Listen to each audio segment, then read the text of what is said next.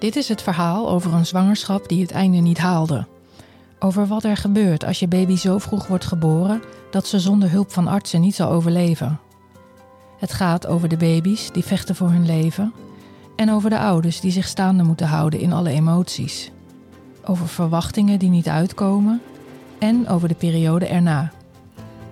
Podcast Prematuur gaat over de helden van het eerste uur. Ik ben Vanessa. Welkom bij Podcast Prematuur. Laurentia beviel van haar tweeling op 2 augustus vorig jaar met 26,6. Toen haar dochters drie weken oud waren, nam zij contact met me op via Instagram.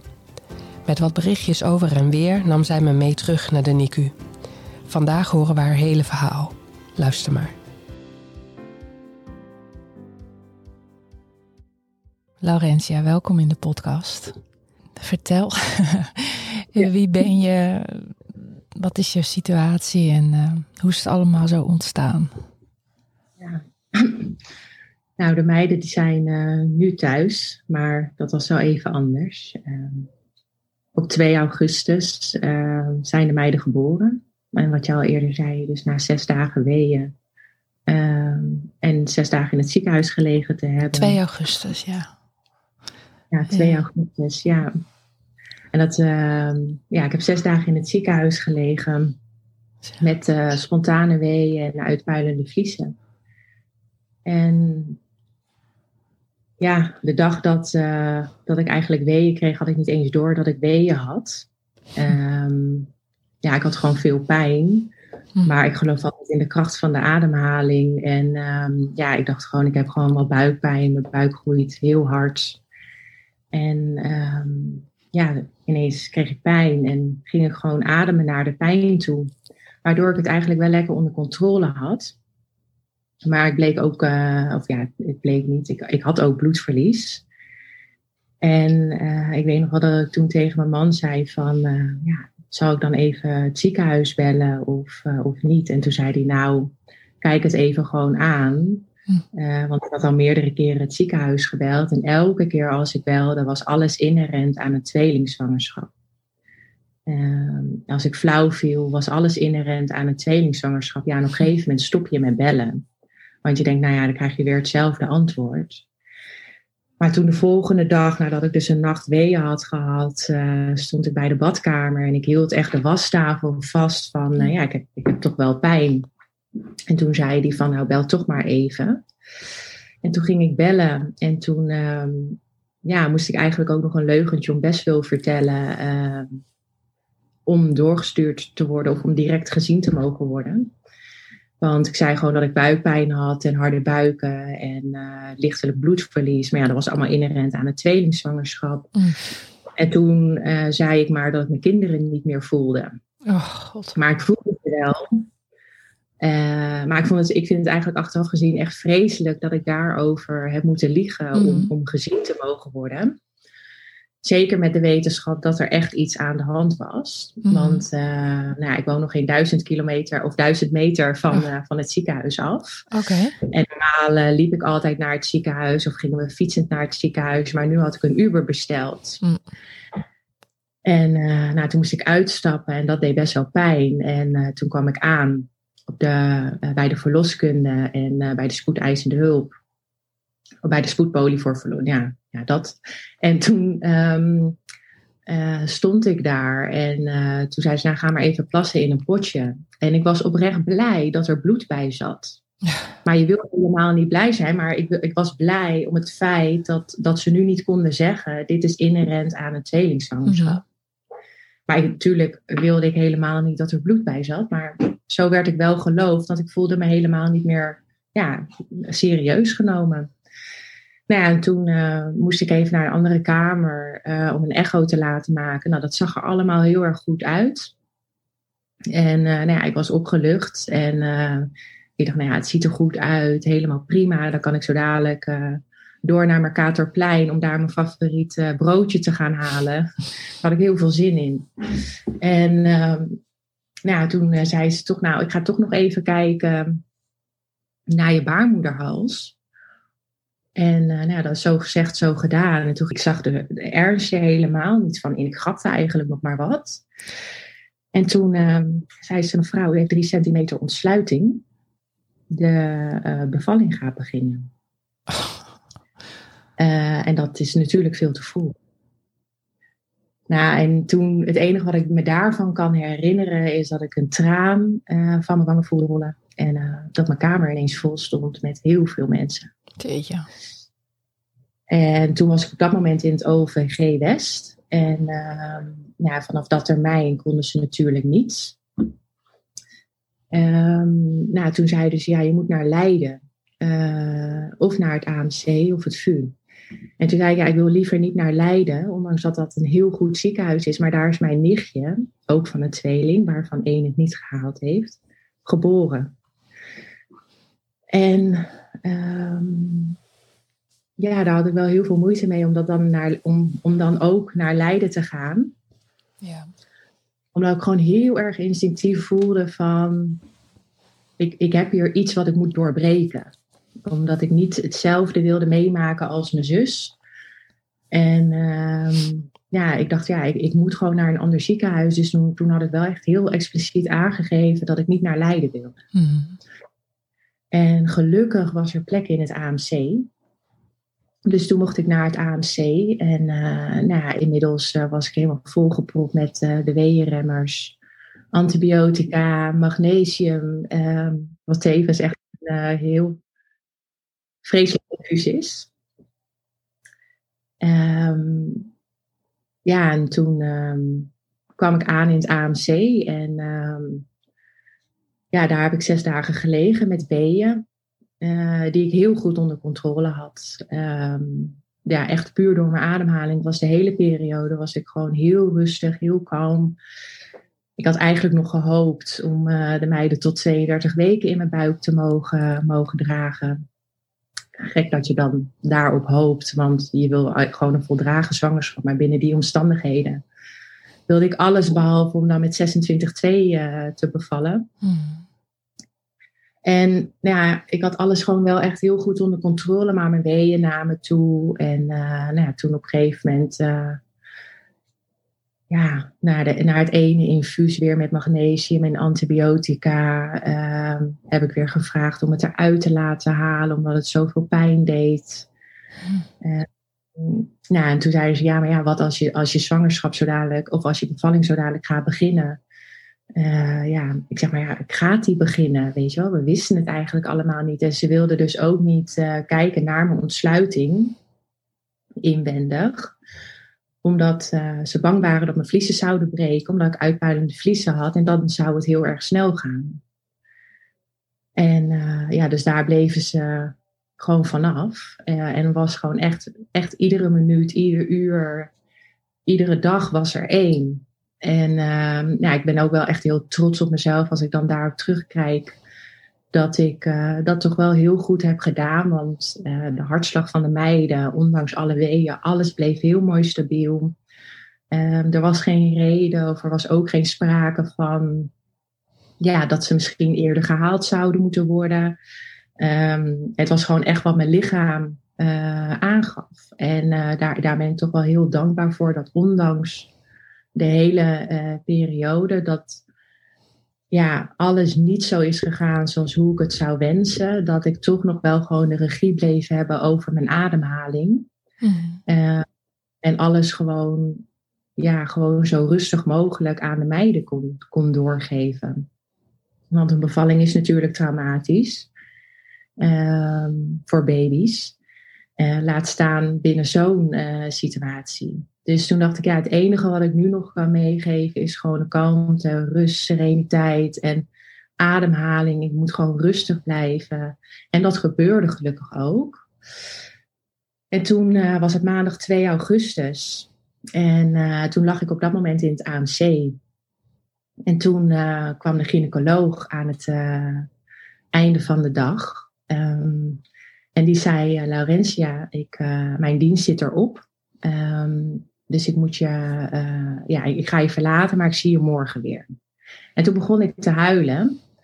Want uh, ja, zij was een gynaecoloog die aan mij zag dat, ondanks dat ik heel kalm en heel rustig was, dat het allemaal wel toenam.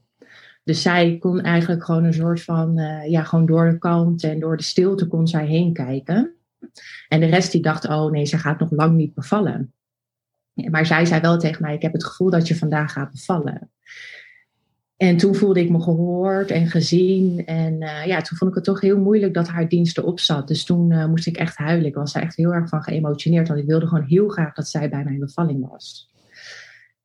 Nou ja, en uh, ja, toen was ik dat aan het verwerken. En een half uur of een uur later, toen kwam de andere gynaecoloog. En die zei van, Laurentia, verwacht je dat je binnen nu en een uur gaat bevallen?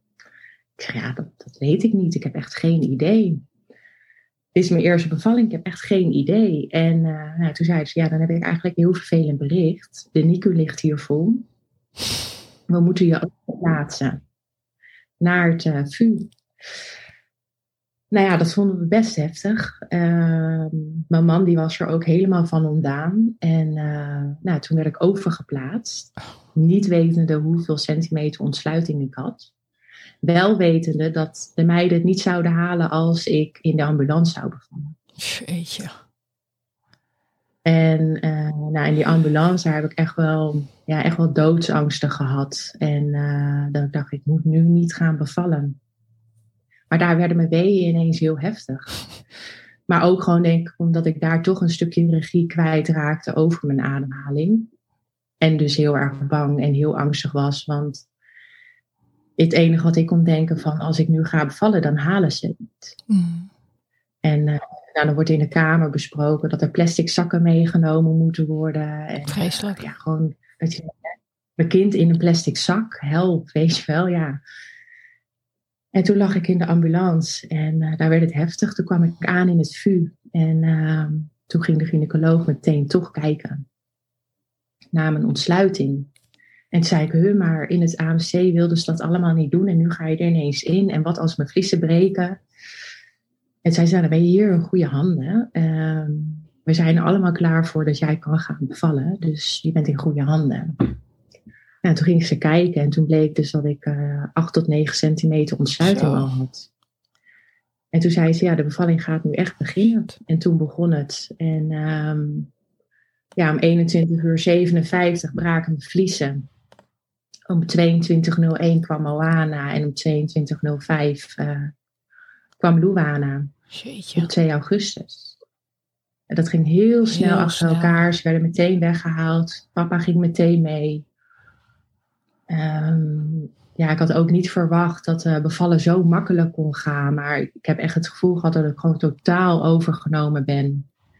Um, ja, en, en ja, ineens had ik kinderen, maar ik had ze niet gezien, gevoeld, gehoord, niks. Het, het was eruit en het was weg. En ja, ik denk ongeveer pas vijf uur later zag ik ze voor het eerst. Hm. En um, ja, dat, dat vond ik heel heftig. Um, en daar heb ik nog steeds wel heel veel moeite mee, ook om, met, om ze alleen, alleen te laten, überhaupt. Omdat of als ik zelf helemaal alleen ben, dan, uh, dan voel ik ook wel weer heel veel angsten. Hmm. Uh, omdat, ja, ik ga meteen weer terug naar dat moment dan. Hmm. Dat relateer ik daar dan heel erg aan.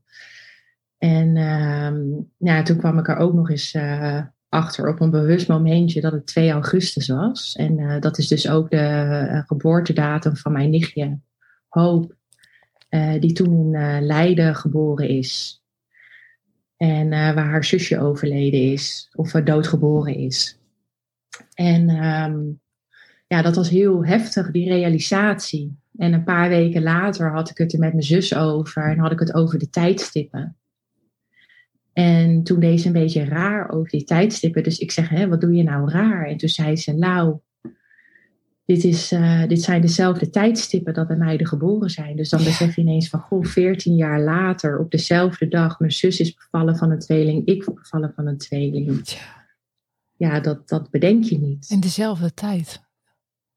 In dezelfde tijd, Bizar, ja. Hè? Dat was, en dan ook twee meiden. En ja, en dan geloof ik, ik geloof niet in toeval. Ik denk echt gewoon dat mm. dingen zo moeten zijn zoals hoe ze zijn. Mm. En dat moment van lijden, dat ik heel blij was of heel dankbaar was dat ik op dat moment naar mijn instinct had geluisterd dat ik niet naar Leiden wilde gaan, omdat ik toch het gevoel had dat ik de visuele cirkel moest doorbreken.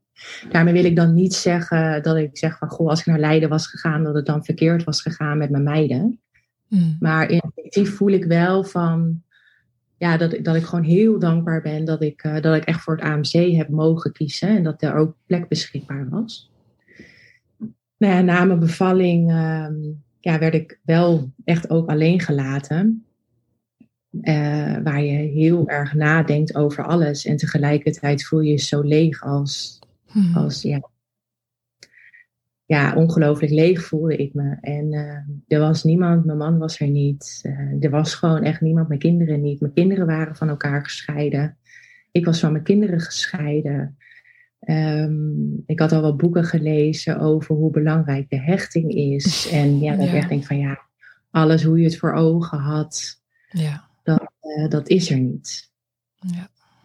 En nou ja, dan vervolgens een paar uur later dan komt de arts binnen en die zegt, nou, je kinderen die, die zijn zeg maar helemaal gereed hè, in de couveuse, um, aan de slangetjes, infusies en zuurstof en um, ja, alles, alle toeters en bellen. En dan krijg je je kind voor het eerst te zien. Nou, je ziet gewoon een couveuse. En ik heb echt oprecht gedacht van, ja, maar waar is mijn kind dan? En dat ik dan normaal, ja, ik weet niet, ik had, ik had gewoon gehoopt of dat ik dacht van nou, je hebt je kind, je ziet je kind en je voelt een warm, fijn gevoel. En ik, ja, ik was leeg. Ik, um, ik, zag, ik, ik, zag, ik zag mijn kind niet. Ik zag alleen slangetjes en, um, ja, en alles. Ja, toen werden ze weer weggereden naar de NICU en uh, daar geïnstalleerd, zeg maar. En uh, nou, toen mocht ik eindelijk gaan douchen. En toen ben ik naar de NICU gegaan uh, met mijn man. En ehm, toen zag ik ze echt. En um, toen mocht ik met één kindje, met Moana, mocht ik als eerste mocht ik buidelen. En ik vond het best eng, want uh, mijn kindje was vuurrood. Uh, want ja, ze had nog niet echt een huidje. Ze zat onder de uh, slangetjes en ja, in de handjes, voetjes. Um, nou, de hele gezichtje was bedekt. En toen had ik haar vast en ze was nog ja, net een hand groot. En ja, ik, ik, ik vond dat zo intens. Mm. En uh, heel mooi. En tegelijkertijd hoorde ik ook op dat moment dat ik nog niet met Luana mocht buidelen. Ja, toen brak ik weer. Ja. En dus ja, dat ik echt dacht van ja, ik heb nu één kind op me en mijn andere kind mag het niet, maar het zijn toch mijn kinderen. En ja, je, je geeft je maar volledig over. En uh, ja, hoe, ja, aan al die mensen, zeg maar, die daar voor je kinderen zorgen. Echt vanaf de allereerste seconde. En ja, ik, ik geloof ook gewoon echt dat ik die mensen ook nooit meer uh, ga vergeten. Want ik merk nu ook gewoon echt dat er geen dag voorbij gaat dat ik naar de meiden kijk. En dat ik echt denk van ja, zonder uh, de verpleegkundigen op de NICU hadden mijn meiden het gewoon niet gehaald. En uh, ja, dat is dan toch een hele hele ja, bijzondere, tegelijkertijd heftige, maar ook weer hele liefdevolle gedachte dat er zoveel um, ja, mensen zijn bij betrokken om, om de meiden in leven te mogen houden. Mm um, ja, en ik moet ook heel eerlijk zeggen dat de periode dus op de NICU in het vuur, daar heb ik echt hele fijne herinneringen aan.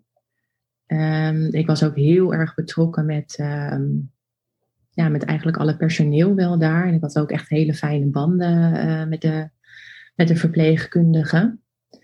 Uh, weet je, ondertussen ben je ook gewoon wat grapjes aan het maken. Want ja, je moet, je moet toch een beetje overeind blijven staan.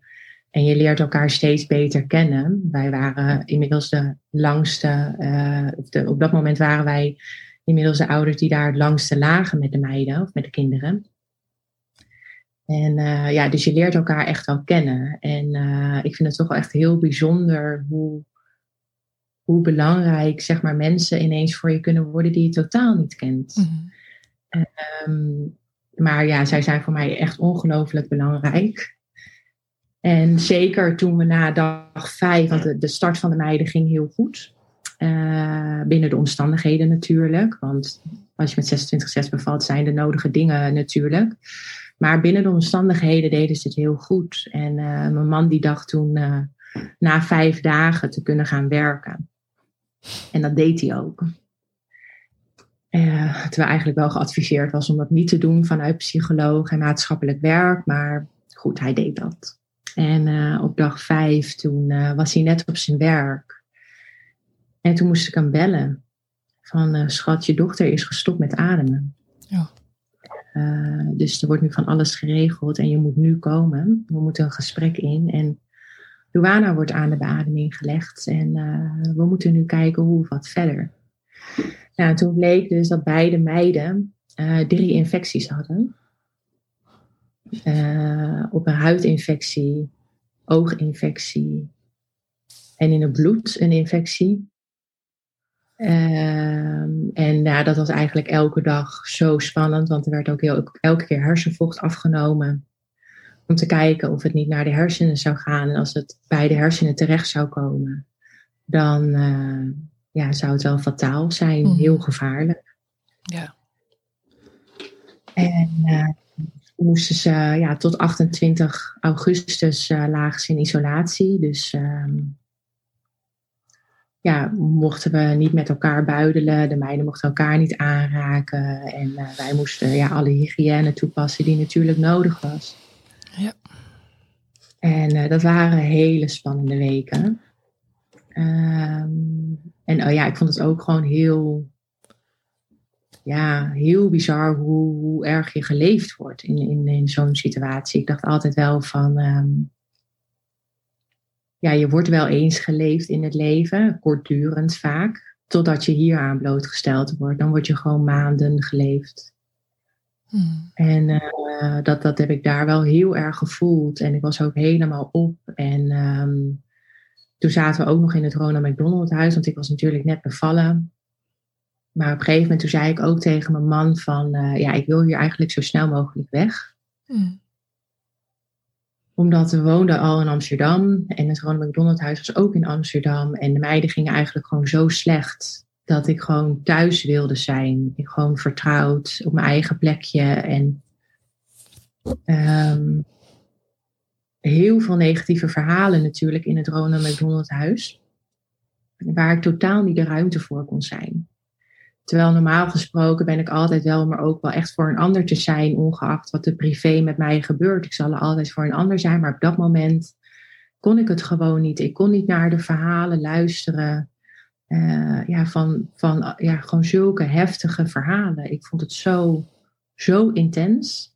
Dat ik dacht, ik moet, ik moet nu gewoon gaan um, ja, waken voor mijn eigen, uh, voor mijn eigen mentale gesteldheid.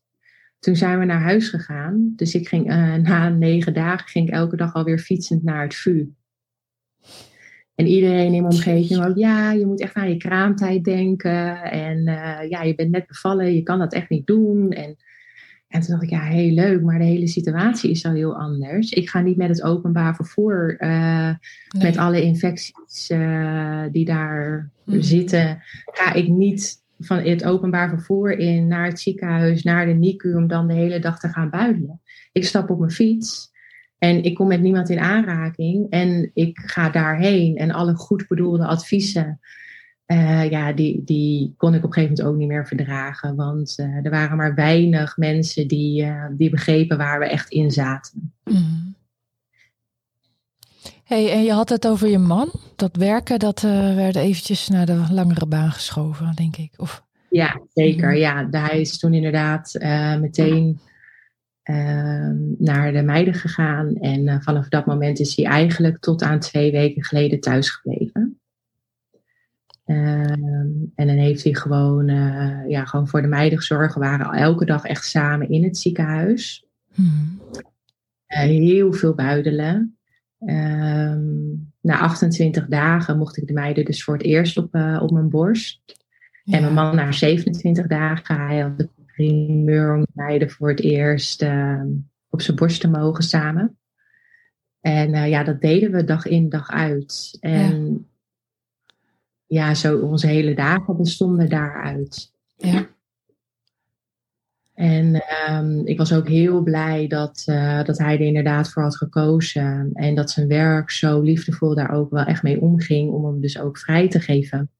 Um, ja, dat we gewoon zoveel tijd konden doorbrengen met de meiden, wat ook zo belangrijk is. En ik heb ook altijd gezegd van, we hadden dan die twee couveuses. En we zaten altijd, uh, toen de ja, altijd gewoon uh, in het midden van de couveuses. Alleen niet in de periode toen ze in isolatie lagen natuurlijk. Hmm. Maar dan lagen we altijd gewoon daar binnen. En ik zei altijd van ja, dit is gewoon onze baarmoeder. Ja, en, um, ja hij heeft gewoon drie maanden uh, mee mogen krijgen wat de meiden in mijn buik hadden moeten doen. Hmm. En dat vind ik ergens wel echt heel bijzonder. Dat hij ook gewoon echt, ja, ook gewoon de kinderen heeft gedragen voor drie maanden. Zo voelt dat echt heel erg. Hmm. En hij was er net zoveel als ik. En af en toe wisselden we elkaar het af. Ik ben in die periode, heeft hij één keer tegen mij gezegd van liever blijf gewoon even een dag thuis. En dat heb ik gedaan en dat heb ik geweten. dat was de hel op aarde. Mhm. Ik dacht echt van, ja, dat, dat kon. Nee, dat, ik vond het vreselijk. Ik zeg, dit mag je me nooit meer aandoen. Dit, um, ik, het was natuurlijk heel lief bedoeld om echt bij te komen van alles. Maar ik vond het heel heftig. Ik wilde gewoon dag en nacht het liefst bij mijn kinderen zijn. En uh, dus we waren er van ochtends vroeg tot avonds laat. En uh, ja, we maakten er gewoon iets leuks van. En uh, we gingen in de ochtend gingen we hier lekker onze boterhammetjes smeren. En elke dag met iets leuks erop qua beleg. En dan gingen we weer heen. En um, nou, dan waren we altijd weer blij als we de vertrouwde gezichten zagen die voor de meiden zorgden. En uh, nou, dan was ik ook alweer heel blij. Als de ene dag had ik weer een heel serieus iemand met wie ik een hele serieuze band had. De andere had ik een hele leuke band mee en uh, daar kon ik heel veel grapjes mee maken. En uh, ja, dat, dat wisselde elkaar wel heel erg af. Dus uh, zij hebben niet alleen mijn kinderen ook in leven gehouden, maar ook mijn man en, en mij. Mm. Gewoon op zoveel vlakken en ook gewoon ja, gewoon de verpleegkundigen, maar ook gewoon de lactatiekundigen en uh, kraamverzorgsters op de afdeling. Ik weet ook nog wel dat uh, ik er heel veel moeite mee had dat mijn uh, borstvoeding ermee stopte. Okay. Ik heb de meid vijf weken borstvoeding mogen geven. Ehm, ja, dat kolven, dat, dat, dat ging bijna niet. Ik had heel weinig productie. En ik weet nog wel dat het toppunt was uh, van kolven. Dat, uh, ja, ik zeg het nu met een lach op mijn gezicht, maar mijn hart doet er nog wel een beetje pijn van. Want het enige wat ik kon doen voor mijn gevoel was kolven en op die manier mijn meiden in leven houden. Uh, maar ja, het toppunt was dus echt het moment dat ik lag en ik was aan het buidelen met de meiden. En ik had in, inmiddels had ik al de pilletjes voor borstvoeding gekregen. Ik had een neusspray al gekregen. En uh, mijn borsten voelden echt heel soepel, heel gewoon als normaal aan, zeg maar. En uh, nou, toen zei de lactatiekundige van, goh, ik ga je gewoon helpen. Elke milli, uh, milliliter is er één. Nou, toen was zij mijn linkerborst aan het masseren. Ik had mijn kind op mijn borst. En toen kwam een andere lactatiekundige bij en die ging mijn rechterborst masseren. om gewoon zo productie te stimuleren. Maar zelfs toen kwam het niet. En uh, ja, ik heb er wel echt alles aan gedaan. En ik heb er zoveel moeite mee gehad. Zeker ook omdat de, de meiden er eigenlijk gewoon zo slecht bij lagen. En we natuurlijk gewoon wisten dat moedermelk zo ongelooflijk belangrijk is. Nou, toen hebben ze me heel erg gerustgesteld met er is ook donormelk. Nou, daar hebben we meteen ja tegen gezegd. Maar op een gegeven moment, 32 weken, stopte donormelk. En uh, nou ja, toen ja, je leert de meest bijzondere mensen kennen. Want ik heb inmiddels had ik toen ook een vrouw ontmoet. Uh, die ik gewoon via een tweelinggroep kende. Uh, dat ik nog in de periode uh, van mijn roze bubbel zat. om leuk alle spullen bij elkaar te zoeken. Dus ik had dan met een paar tweelingouders. Had ik contact met wat is nou echt handig om te hebben als tweelingouders. En uh, ja, dus met haar toen een keer kortstondig contact gehad. En uh, ja, toen, in, toen ik in de, met de meiden op de NICU lag, uh, kreeg ik weer beter contact met haar. En uh, toen had ze ook aangeboden, zeg nou, Laurentia, ik heb hier een hele vriezer vol. Dus je mag ook melk. Nou, en toen dacht ik echt van, jeetje, je geeft gewoon... Ja, ik, ik vond het zo ontroerend en emotioneel hoe, hoe mensen echt met je meeleven. En ik heb haar nog nooit gezien. Ja, bizar. Ik ken haar, ik, echt, ik heb haar nog nooit gezien. En um, ik weet ook nog wel echt mijn, e-, de eerste pakjes van de meiden die we dus aan mochten doen, die kreeg ik ook van haar. Dat had ze zelf gebreid. Oh. En dat had ze toegestuurd, speciaal op maat, met een mutsje speciaal op maat. En ja, dat, dat zijn echt dingen die je zo ongelooflijk emotioneren. En uh, ook wel weer een heel prachtig verhaal wat je later kan zeggen. Dat gewoon iemand die je niet kent, hmm. gewoon zo ongelooflijk betrokken is in zo'n... En dan denk je echt van jeetje, dat, dat zijn wel echt voor mij hele uh, belangrijke lichtpuntjes geweest in zo'n donkere periode. Want je had ook gewoon echt het gevoel, je voelde je eindelijk gewoon echt begrepen van mens tot mens. En alle emoties en alles kon er gewoon zijn. En ja, door die mensen voelde ik me denk wel meer gedragen dan, dan soms wel je directe omgeving. Um, ja, je directe omgeving die wordt natuurlijk ook in een situatie betrokken waar ze ook helemaal geen weet van hebben. En zij ervaren daar ook weer emoties bij. Dus dat, dat, dat vind ik soms ook nog wel heel erg moeilijk. Want ik had ook bijvoorbeeld mijn broer met um, dat ik weeën had. En dat ik hem belde en hij was op vakantie in Frankrijk. En ze wilde meteen naar ons toe komen. En zei ik, ja, maar lieverd, je kan niks voor mij doen. Nou, uiteindelijk zijn ze toch gekomen. Omdat ze gewoon dan in de buurt waren.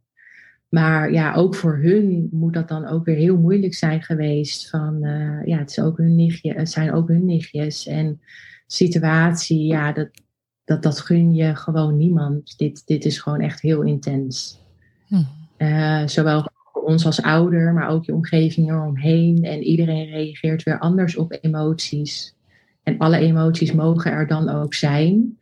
Ehm, maar soms ja, is het dan ook gewoon heel moeilijk dat wanneer zelf iemand een emotie ervaart, om er dan ook gewoon te, te zijn voor de ander.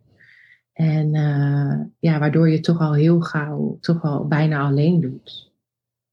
Uh, ook gewoon door ontwetendheid en uh, ja, dat soort dingen. En ik heb ook gewoon wel heel erg ervaren dan op de NICU dan hadden we elke keer die piepjes en ik kon daar steeds slechter tegen. En toen uh, ging ik dus op de Spotify kijken. En toen kwam ik dus jouw podcast tegen. En ik denk dat ik daar nog wel het meest steun aan heb gehad.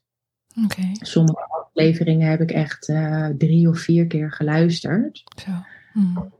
Um, en elke keer ook, uh, ja, ik weet niet, ik kwam altijd als een klein meisje, kwam ik op de NICU-afdeling en dan uh, wist ik de verpleegkundige weer wat te vertellen. En zei ik, nou, ik heb weer een nieuwe podcast geluisterd hoor, en mm. dit en dit, en hoe zit het dan met die lijninfectie en oh. wat houdt dat nou precies in? En ja, ik kwam op een gegeven moment ook een keer de afdeling op en toen raakte ik ook in shock, want toen werden er ineens lijnen gezet bij de en ik had geen idee wat ze aan het doen waren, want alles was natuurlijk steriel. Maar toen zeiden ze dus dat er een lijn, eh, een lijn werd geplaatst. En dus door middel van jouw podcast wist ik wat dat inhield. Hm. Dus ik zag in een groter geheel, zag ik van oh, wat gebeurt er en ik was echt in shock. En toen ze zeiden van het is de, de, er wordt een lijn geplaatst, toen dacht ik, oh nee, dit ken ik. Ja. En toen kon ik even een soort van echt terugzinken in van oké, ik ben nu gerustgesteld, ik heb hier al van gehoord. En ik was weer rustig, zeg maar. En dat, dat had ik heel vaak. En ik had ook echt de eerste twee weken, denk ik, ehm, dat ik de verpleegkundigen alsmaar hun gang liet gaan in alles wat ze deden. En uh, eigenlijk vanaf het moment dat ik in, uh, in aanraking kwam met jouw podcast, toen dacht ik, ja, ik ga gewoon doorvragen. En ik ga gewoon uh, inderdaad niet naar de monitor kijken. Uh, omdat ik dan ook aan, uh, dan hoorde van, dat, dat je dan bij thuiskomst daar last van kon hebben. Hmm. Dat dan ineens de monitor wegging. Hmm. Nou, dat heb ik ook nooit gedaan. Ik heb ook nooit geweten wat die witte, rode, groene streepjes hebben betekend. Het enige wat ik wist is rood. En wat ik echt met regelmaat heb meegemaakt, is dat de meiden op ons borst lagen en dat ze blauw werden. En dat ze stopten met ademen. Dat heb ik echt heel vaak meegemaakt. En dan moesten we ze wakker schudden en weer aanwakkeren. En ja, dat gebeurde echt vaak. En dat was heel naar. En dat was het enige piepje wat ik kende. En uh, eh, 9 van de 10 keer, dan zag ik het eerder ook aan de meiden. En dan riep ik al de verpleging erbij van het gaat niet goed, het gaat niet goed. En zij zei, het ziet er nog goed uit op de monitor. Ik zeg, het gaat niet goed. En dan was het piep, piep, piep, piep, piep. En ja, dat zag ik dan. Je zag het gewoon verkleuren. Of het werd heel bleek. Gewoon echt heel wit. Of juist weer heel blauw. En uh, echt gewoon ja, blauw-groenig. dat zijn ook wel echt hele heftige dingen. Als je dan nu gewoon je meiden op je borst hebt, dan eh, ben ik ook altijd aan het voelen of ik ze voel ademen. En ik hoor, ik, hoor het natuurlijk ook, maar soms hoor je het niet. En dan, ja, daar denk je ook wel heel vaak aan. Mm. Vallend stil is, dan, dan, dan zie je dat ook wel weer. En ja, dat zijn toch echt wel dingen ook. Dus hè, door middel van je podcast, ik denk dat ik daar gewoon echt de meeste steun aan heb gehad.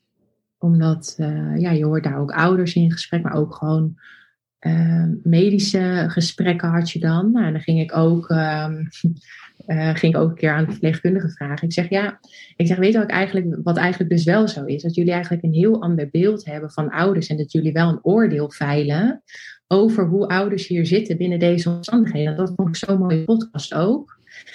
En ik zeg maar, wat vinden jullie nou van ons? En wat is nu jullie oordeel over ons? Hm. Ik zeg, roddelen jullie, roddelen jullie dan wel eens? En uh, nou, het zegt ja, je praat alleen heel erg veel. Dat zei ze dan. Ik was altijd aan het praten. Wow. Altijd dacht van ja, ik wil gewoon praten. Of het nou is met een verpleegkundige of met mijn man. Of uh, ik, ik wilde gewoon dat die meiden gewoon ons hoorden.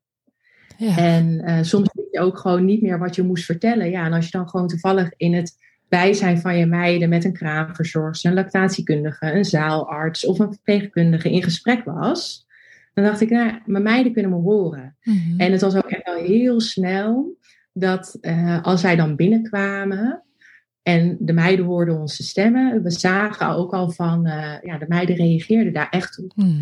Dus ik weet ook echt wel dat ik nooit uh, heb getwijfeld over de gehoortest. Die hebben we later succesvol afgerond. Ja. Um, ja, ja, je zag gewoon dat de meiden reageerden op onze stemmen. En uh, ja, kijk, bij de, de verpleegkundigen noteren natuurlijk echt alles. Mhm. En ik belde ook heel vaak als ik s'nachts wakker werd, om drie uur of zo. Of uh, ja, was ik niet aan het kolven, dan werd ik wel wakker, zeg maar. Mhm. En uh, nou, dan belde ik en dan was het Laurentia, je moet wel gaan slapen. Je moet aan je rust denken. En ze zei ja lieve schat, ik moet toch ook kolven. Ik moet mijn kinderen toch ook nog kunnen voeden. Ja. Ik zeg maar niet dat je zo alert bent. Nou, dan stond er weer, uh, Laurentia heeft om uh, twee uur gebeld. En om vier uur en om zes uur. En ja, uh, ja dat, dat ging eigenlijk wel zo door. En dan in de ochtend heb je wel goed geslapen. Nou, dat vond ik altijd wel heel bijzonder hoe de verpleging zo erg keek naar ons als mens, zeg maar, als ouder. En ook vooral naar mijn man, want hij is wat stiller en ja, praat toch wat minder.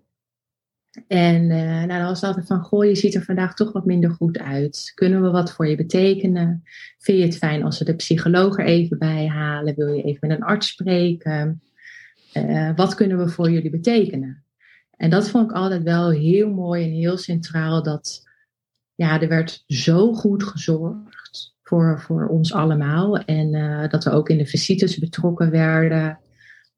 Op een gegeven moment mochten we dus ook mee bij de visitegesprekken. En uh, nou, daar werd ook heel erg geluisterd. Ik vroeg toen ook op een gegeven moment van... Goh, mogen mijn kinderen dan wat langer door met donormelk? En uh, nou, dat was aan officieel na 32 weken alleen als er een medische indicatie was.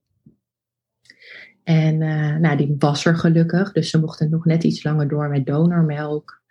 En uh, ja, daar was ik dan toch wel weer heel blij mee. Mm. Uh, dat, ook, dat je ook zag in de visitegesprekken dat zeker uh, hè, wat ouder zegt, dat dat ook echt wel meegenomen wordt. Ehm, ja, gek eigenlijk. Ik zeg dan ben je blij mee, maar ja, binnen zo'n situatie ben je gewoon soms zo blij met hele bizarre dingen eigenlijk. Mm. Het, um, want je wil nooit in zo'n situatie zitten. Dat, dat, dat ervaar ik nu wel echt. En nu dat we thuis zijn, doen de meiden binnen de omstandigheden wel echt goed. En uh, ze krijgen dus nog zondevoeding, omdat ze gewoon nog veel te moe zijn. Hmm. Um, en door de zondevoeding groeien ze heel erg goed. Maar je komt wel steeds vaker tot het realisatiepunt van, goh, dit is toch wel echt een hele heftige rollercoaster. En we zitten er echt nog middenin. En um, ja, je merkt gewoon dat het soms echt heel intens kan zijn. Net zoals bijvoorbeeld dat uh, stukje intro van de podcast net. Hmm. Ja, dat komt zo binnen. En uh, dat is eigenlijk gewoon nog heel vers. Tegelijkertijd voelt het heel ver weg. En ook weer heel dichtbij. En hmm. Ehm, ja, dat omschrijft gewoon echt zo'n hele periode. En ehm, ja, wat ik gewoon heel erg geloof is, nu de komende weken, maanden, jaren zal er aan het daglicht komen wat voor blijvende schade dit heeft aangericht. Maar ja, het enige wat wij gewoon nu kunnen doen is gewoon vertrouwen in weten dat we het niet weten. En uh, toch geen waarde hechten aan uitkomsten. Of ja, je leeft gewoon nu en nu gaat het binnen de omstandigheden goed. En ik denk dat ik het dan netjes verwoord. Want ja, dat vind ik ook nog wel iets lastigs. Als ik nu ga zeggen ja, het, hoe, dat het heel erg goed gaat, dat, uh, ja, dat, dat gaat het gewoon nog niet. Maar als je gewoon kijkt binnen de omstandigheden, je schaalt gewoon bij. Um, Ja, wat, wat, wat, wat goed betekent. En dat is naar de buitenwereld ook heel onbegrijpelijk. Um, ik uh, moest ook nog wel lachen hoe iedereen dan uh, van die conclusies kunnen trekken als je dan ineens een foto post op Instagram en je wil het even niet zo medisch houden. En het eerste wat ik uh, te horen krijg, oh wat fijn, de zondes zijn eruit. Wat goed, de zondes zijn eruit. En toen had ik de meiden had ik op een ander wangetje gelegd, mhm. zodat je de zonde even niet kon zien. Ja, en dan denk ik van, oh ja, wat heb ik nou gedaan? Nu moet ik weer gaan zeggen, nee, de zondes zijn er niet uit. En dat is dan wel weer zo'n confronterend punt voor mij. En dan denk ik, ja, maar goh, ik wil ook gewoon even een soort van roze bubbel creëren, ook al komt die er totaal niet. Ik heb tot op, tot op de dag van vandaag nog steeds geen uh, beschuit met muisjes gegeten. Nee. Uh, ja, omdat ik gewoon echt denk, ja, ik doe het gewoon anders. Dus toen had ik, uh, had ik een, uh, hoe heet dat, een, een boterkoek gemaakt met muisjes. Dat ik dacht, ja, alles is al gewoon heel anders. Het wordt geen beschuit met muisjes. Maar boterkoek. een boterkoek met muisjes. Dus ik dacht, ja, laten we dan ook maar allemaal Heerlijk. anders doorkijken. Oh. En um, ja, dat, ja, weet je, het is gewoon precies zoals hoe het nu is. En um, ja, alles is gewoon anders. En ik wil er ook gewoon niets aan veranderen. En ik geloof gewoon ook heel sterk ik, de, kracht en het vertrouwen die de meiden ons hebben gegeven, daar, daar, daar, bouw ik gewoon nog steeds op. Ze geven gewoon zoveel vertrouwen en, uh, en ze stralen zoveel kracht uit. En ik vind het toch zo bijzonder hoe zulke kleine ja, mensjes zo ongelooflijk krachtig kunnen zijn. Ja, dat als ik nu zie ik soms liggen en dan denk ik echt van jeetje meiden, jullie zijn er nu vier en een half maand. En uh, ja, waarvan anderhalf maand thuis.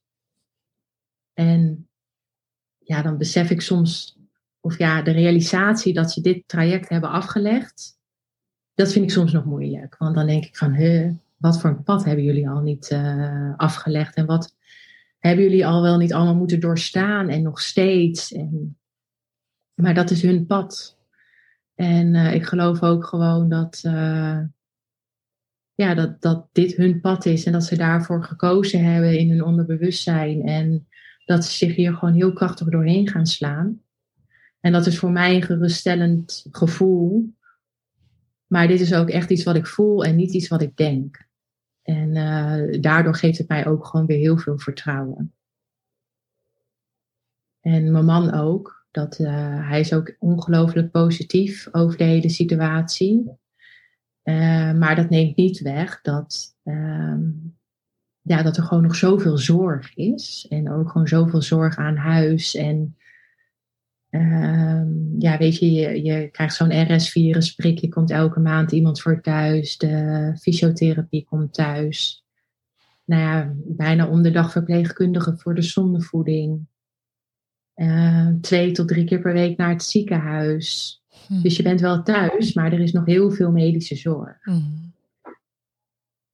Uh, maar ja, ondanks alles probeer gewoon zo positief mogelijk te blijven. Mm. Dat moet ook. Je, je, je kan ook niet anders. Het is ook niet iets wat, wat je, het gebeurt. Je, je, ja, hoe zeg je dat? Je, je leeft daar gewoon zo naartoe. hey, en tot slot, wat zou jij ouders van prematuren willen meegeven? ja, dat is gewoon echt vertrouwen in het nu. En uh, wat je net ook al inderdaad zei van... Uh, ja, je hebt het boek van Eckhart Tolle van de kracht van het nu. Mhm. En ja, wat je dus echt leert op de NICU is vertrouwen op leven in het nu. En ik denk dat dat heel belangrijk is, dat je gewoon naar ieder moment nu kijkt. En ehm, ja, voor je het weet ben je dan hopelijk weer een paar weken verder. En is de tijd heel snel gegaan. En ehm, hoe moeilijk het ook is om ook geen waarde te hechten aan een uitkomst. En dat relateert natuurlijk weer naar het leven in het nu. Het is nu zoals hoe het is. Mhm. En ehm, als het morgen wat slechter is, dan vertrouw erop dat je dit ook gewoon kan dragen. En je hoeft dat niet alleen te doen. Ook gewoon met verpleegkundigen kan dat. En uh, met iedereen in hetzelfde schuitje. Of die het al hebben meegemaakt. Je hoeft er niet alleen doorheen, al is het wel je eigen proces. Maar je kan echt wel om hulp vragen. Mhm. En ik denk dat, dat, uh, dat er zoveel relateert naar leven in het nu. Dat dat echt, ja, voor mij is dat gewoon uh, ja, echt het medicijn geweest om me overeind te houden. Hmm. En nog steeds. Dankjewel. Alsjeblieft.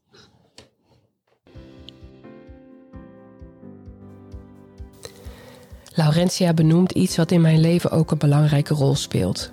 En dat is leven in het moment. Focus op de ademhaling, ook wel mindfulness. Het hielp haar haar weeën onder controle te houden, maar ook om met de gehele situatie om te gaan, met de onzekerheid van wat de toekomst gaat brengen. Toen ze mij berichtte tijdens haar NICU-tijd, was de herkenning er meteen, ook al zijn onze ervaringen niet één op één. Je weet gewoon direct waar iemand het over heeft dus was er begrip en het gevoel te willen helpen. Daarom is het zo fijn te horen dat Laurentia zich gesterkt voelde door de verhalen en informatie uit deze podcast. Ik zie het al helemaal voor me hoe, hoe ze haar verhaal deed aan een nikkenverpleegkundige. Of dat ze wist wat een lijninfectie inhield voordat een arts haar erover had verteld. Geweldig. Daar is het ons allemaal om te doen. Elkaar een beetje helpen.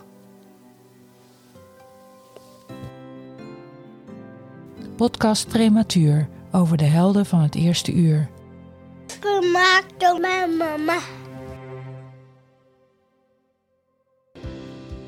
Ik vind het een eer dat je hebt geluisterd naar deze aflevering. Dank je wel daarvoor. Ik maak de podcast graag, want ik geloof dat het voor ouders een stuk herkenning biedt en daarom troost. En het biedt de zorgprofessional een stuk inleving en empathie. Zoals je misschien wel weet, maken we ook prematuurpopjes. Die zijn heel waardevol, voor familie en vrienden en voor het kindje zelf.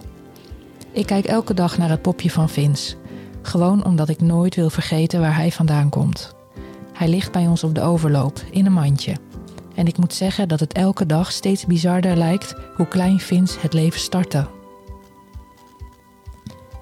De podcast maken kost alleen wel veel tijd en geld. Daarom heb ik het mogelijk gemaakt om te doneren.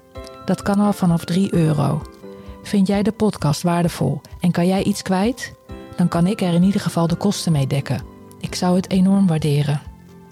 Alvast dank en ik hoop tot volgende week.